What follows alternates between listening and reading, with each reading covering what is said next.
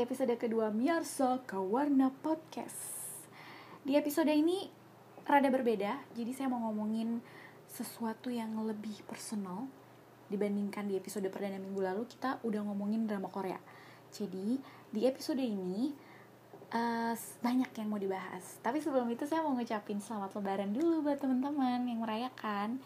Mohon maaf lahir dan batin. Semoga kita dipertemukan kembali dengan Ramadan tahun depan tanpa ada pandemi-pandemi lagi. Udah ya, cukup di 2020 aja semoga.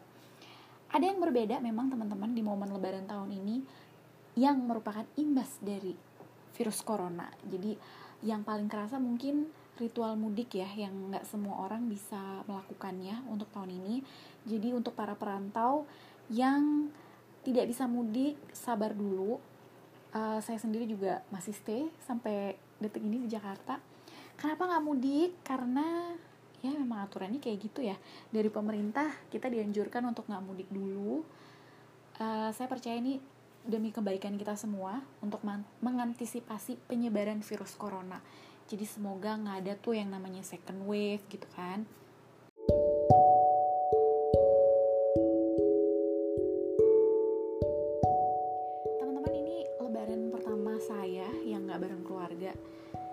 Ya kalau ditanya sedih sedih sih.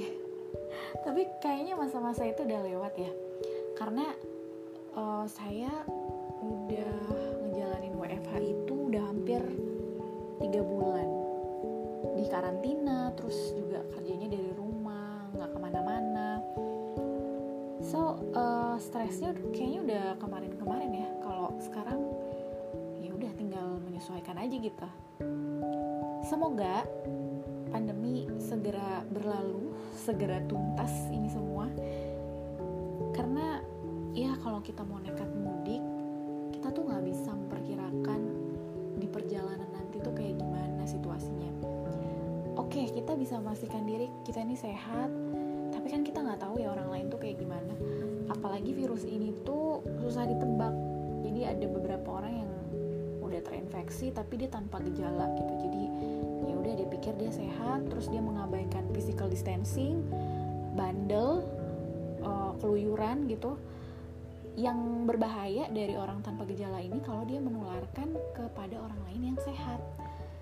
Jadi daripada ujung-ujungnya nyesel ya udahlah selama virus bisa dicegah uh, saya sarankan apa pun yang direkomendasikan pemerintah, tenaga medis, ilmuwan yang sudah bekerja keras untuk menuntaskan pandemi ini, ayolah kita berikan apresiasi buat mereka semua, pahlawan-pahlawan ini. Jadi kita nurut dulu, jangan ngeyel. Lebaran tanpa sholat id di lapangan, tanpa opor ayam buatan ibu, nggak ada sungkem-sungkeman, nggak ada kue kering, nggak ada bagi-bagi angpau nggak ada salam-salaman karena masih dalam rangka physical distancing tentu ini semua situasi yang kita nggak pernah bayangkan sebelumnya. Jadi kalau mau jujur pasti sedih ya untuk semua perantau yang belum bisa berkumpul sama keluarganya uh, akan merasa kehilangan momen lebaran yang biasanya tercipta gitu di dari tahun ke tahun gitu. Tapi sedihnya kan nggak harus berlarut-larut juga kan ya. Ada teman saya yang bilang mending nggak ketemu dulu sementara daripada nggak ketemu selamanya. Nah tuh. Jadi gini teman-teman. Khususnya yang dari Jakarta ya. Jakarta ini kan bisa dibilang dia sebagai epicentrum virus corona kalau di Indonesia. Jadi bayangin aja kalau misalnya kita semua nih yang dari Jakarta nekat mudik terus nanti di rumah ketemu sama anggota keluarga yang beberapa di antara mereka mungkin termasuk dalam populasi rentan terinfeksi virus corona. Orang-orang kayak, kayak misalnya anak kecil yang sistem imun tubuhnya itu masih belum sempurna, lalu orang tua kita yang rata-rata mungkin usianya sudah di atas 50 tahun, ada yang punya riwayat penyakit sebelumnya. Nah, orang-orang kayak gini nih teman-teman yang beresiko tertular COVID-19. Kalau mereka sudah tertular, biasanya memang gejalanya lebih parah daripada orang yang nggak punya penyakit penyerta. Otomatis proses penyembuhannya juga rada lama gitu. Ya kita bersyukur ya kalau akhirnya bisa sembuh tapi kalau misalnya berujung pada kematian gimana jadi benar kata teman saya mending nggak usah ketemu dulu deh sementara daripada nggak bisa ketemu selamanya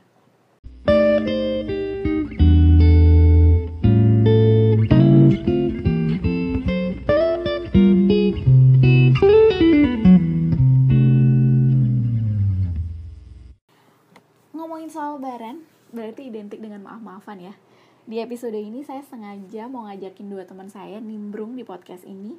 Jadi mereka berdua ini adalah teman satu kantor saya dan uh, kemarin-kemarin kita sempat ya ada ada apa ya hubungannya sempat memanas gitu jadi saya punya banyak dosa sama mereka berdua jadi kita coba telepon mereka langsung ya kita ngobrol-ngobrol kita uh, maaf-maafan bareng mereka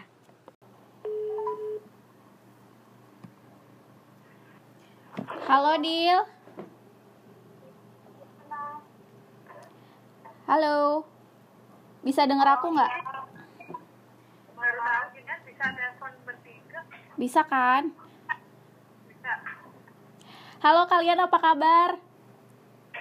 Alhamdulillah baik. Alhamdulillah baik. Aku sambil masak ya. Sambil masak. Oh jam segini ya. Bukannya tadi udah selesai. So jadi sekarang kita baikan nih ya. Iya. Ya. Udah ya lupain yang kemarin-kemarin. Ikhlas nggak? Ikhlas nggak ini? di Jakarta nggak nanti? Katanya mau keluar kota. Iya aku masih. Oh yang abis ini. Uh, abis ini nggak deh kayaknya. Kerjaan gimana kerjaan selama selama pandemi? Lancar-lancar aja atau tambah males atau gimana? Ya. Males sih, males ya. Ritualnya banyak banget. Ritual gimana tuh maksudnya? Iya, buat naikin moodnya dulu. Oh, Oke, iya iya benar benar. Aku ngerasain juga kayak gitu. Jadi harus, buka Instagram dulu. oh, oh benar, lah. ngegame dulu. Rebahan dulu. Tanyain loh, aku ditanyain mulu. Enggak, enggak. Eh, enggak gini. Bilang gitu. Nes, kamu kamu sempat cerita nggak sih sama anak-anak kalau kita berantem gitu? Maksudnya kalau misalnya ada yang nanyain atau apa gitu, kamu cerita nggak kalau berantem atau cuman kayak, oh enggak, kita sekarang udah beda divisi doang gitu apa gimana? Kalau anak badminton pasti aku jawab gitu. Cuma kan anak lipsus tahu semua ya. Anak lipsus pasti ya gitu lah. Anak Lipsus tahu kalau kita berantem memang. Nah, kan tahu semuanya, Fan. Tapi penyebabnya enggak kan? Soalnya itu nggak elegan banget. Oh, tahu, tahu, tahu. Jadi se- jadi selama selama kemarin berantem nggak pernah nggak pernah kangen-kangenan gitu. Maksudnya kayak keingat gitu. Kalau aku sih kayak aku ngomong sama Dila, eh kangen ya sama Nesya ya gitu. Kamu enggak Nes? Aku. Paling kangen pas apa ya? Pas itu sih. Pas kan kapan hari aku buka galeri kan. Terus Mm-mm. lihat oh masih ada foto yang di Dufan. Kayak ini udah hampir setahun gitu ke Dufan ngakak deh. Ya ke Dufan doang nggak ada akunya. Iyalah pastilah kamu tim apa? Eh, itu pernah kita bertiga jalan bareng. Ntar ini bakalan jadi cover di ini di episode podcastku foto kita yang waktu di Kalibata tuh, yang waktu foto box. Oh nonton nonton Simba ya? Eh iya nonton Lion King abis itu. Eh bukan bukan, enggak deh. Kita tuh nonton mbak. Kita nggak pernah main bareng tau. Nanti nonton badminton aja lah November di Indonesia Open. Iya kalau kalau udah nggak kalau udah hilang ya virusnya. Dilanjutin episodenya. Kan sisanya sampai 6 kan mas? Iya masih. Berarti harus berantem terus dong kita goblok. eh kalian tuh harus tahu teori konflik ya. Konflik itu tuh salah satu fungsinya itu untuk mendekatkan. Iya betul.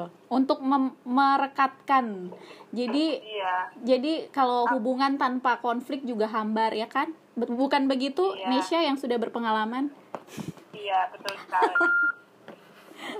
Konfliknya langsung. Tapi kalian ngebayang tapi kalian ngebayangin gak sih kan kemarin berantem ber- berturut-turut gitu ya. Aku sama Nesya, aku sama Dila, terus habis itu Dila sama Nesya, kayak gitu aja terus. Itu sempat sempat sempat kebayang nggak kayak oh kayaknya udah nggak bisa deh kita temenan lagi gitu. Atau atau, atau tetap ada harapan someday pasti baikan nih gitu.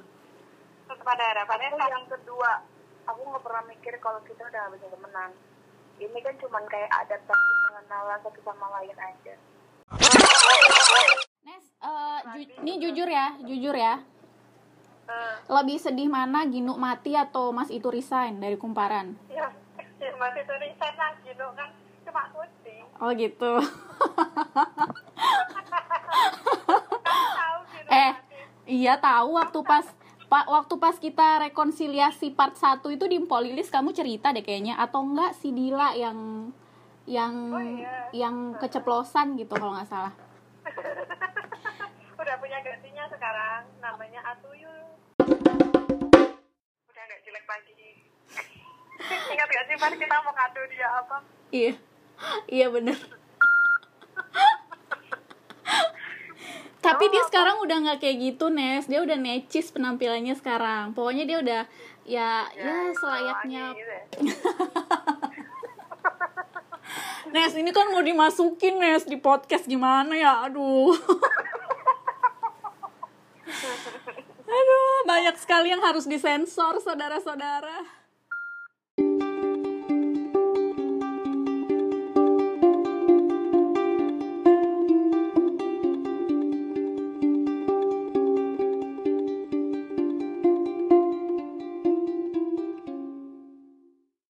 Dila ini temen saya satu angkatan waktu kita sama-sama pertama kali masuk di Kumparan.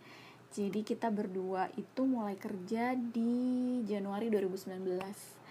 Nah, pertama masuk Kumparan itu saya di bagian konten spesial namanya. Saya satu tim sama Nesha yang udah lebih senior. Berapa tahun ya dia? Kayaknya waktu saya masuk ke Kumparan dia tuh udah setahun lebih di Kumparan. Lalu eh, karena saya kese- seangkatan sama Dila, dan sama Nesha-nya satu tim, sempat satu tim. Kita berdua tuh sama-sama menggilai bulu tangkis gitu kan. Jadi ya udah jadilah tiga sekawan ini. Ya meskipun dalam perjalanannya nggak selalu adem ayem ya, jadi ada berantem berantemnya gitu. Tapi yang jelas setelah memutuskan untuk resign, saya ngerasa wajib banget untuk memperbaiki hubungan dengan mereka berdua ini.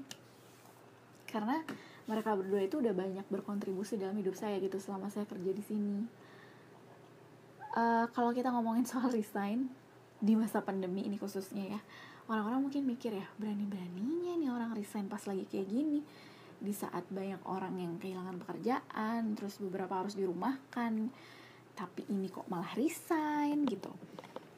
Tapi lagi-lagi teman-teman ini tuh keputusan yang nggak mudah sebenarnya. Sudah melalui pertimbangan yang sangat panjang bahkan sebelum pandemi malah. Sampai akhirnya waktu saya WFH udah hampir dua bulan saya memberanikan diri untuk ngomong ke atasan izin mau resign gitu. Kenapa resign padahal ini pekerjaan yang saya sukain dari awal. Masuk kumparan pun itu salah satu impian yang alhamdulillah akhirnya kesampaian gitu. Tapi balik lagi teman-teman di dalam hidup itu mau nggak mau cepat atau lambat kita tuh pasti akan dihadapkan dengan beberapa opsi yang mengharuskan kita untuk memilih gitu. Dan kali ini saya emang harus memilih untuk resign untuk uh, mendapatkan pengalaman baru gitu ya dari dari sesuatu yang baru juga. Tapi masih uh, di bidang yang saya sukai gitu. Saya memang belum bisa cerita banyak ya di sini tapi yang jelas keputusan ini cukup melegakan. Ya meskipun di awal pasti pakai drama-drama juga ya pasti ada nangis-nangisnya. Karena saya khawatir saya nyesel nggak ya ntar gitu. Sebagai jurnalis pun saya ngerasa belum ada apa-apanya. Masih minim pengalaman terus juga intinya pokoknya masih banyak lah yang mesti dipelajari ya sama lah ya kayak hubungan pertemanan kehidupan berkarir seorang itu juga pasti akan mengalami pasang surut. Jadi ada masanya kita ngerasa puas dengan pencapaian kita tapi ada masanya juga kita ngerasa kayaknya bukan ini deh yang kita pengen. Tapi apa pun itu teman-teman semoga keputusan besar dalam hidup termasuk soal memilih pekerjaan yang baru membuat kita bisa naik kelas semakin memperluas ladang pahala kita juga karena esensi dari bekerja itu kan bukan cuma untuk memperkaya diri ya atau menimbun materi gitu tapi juga untuk menebar manfaat buat banyak orang. Itu juga yang jadi harapan saya setelah resign. Jadi ya saya selalu berdoa semoga ini keputusan yang tepat. Em, mungkin segitu dulu cerita di episode kali ini. Terima kasih teman-teman yang sudah berkenan mendengarkan Selamat lebaran sekali lagi, tetap jaga kesehatan, jangan bandel, tetap harus menerapkan physical distancing. Kita ketemu lagi di episode selanjutnya.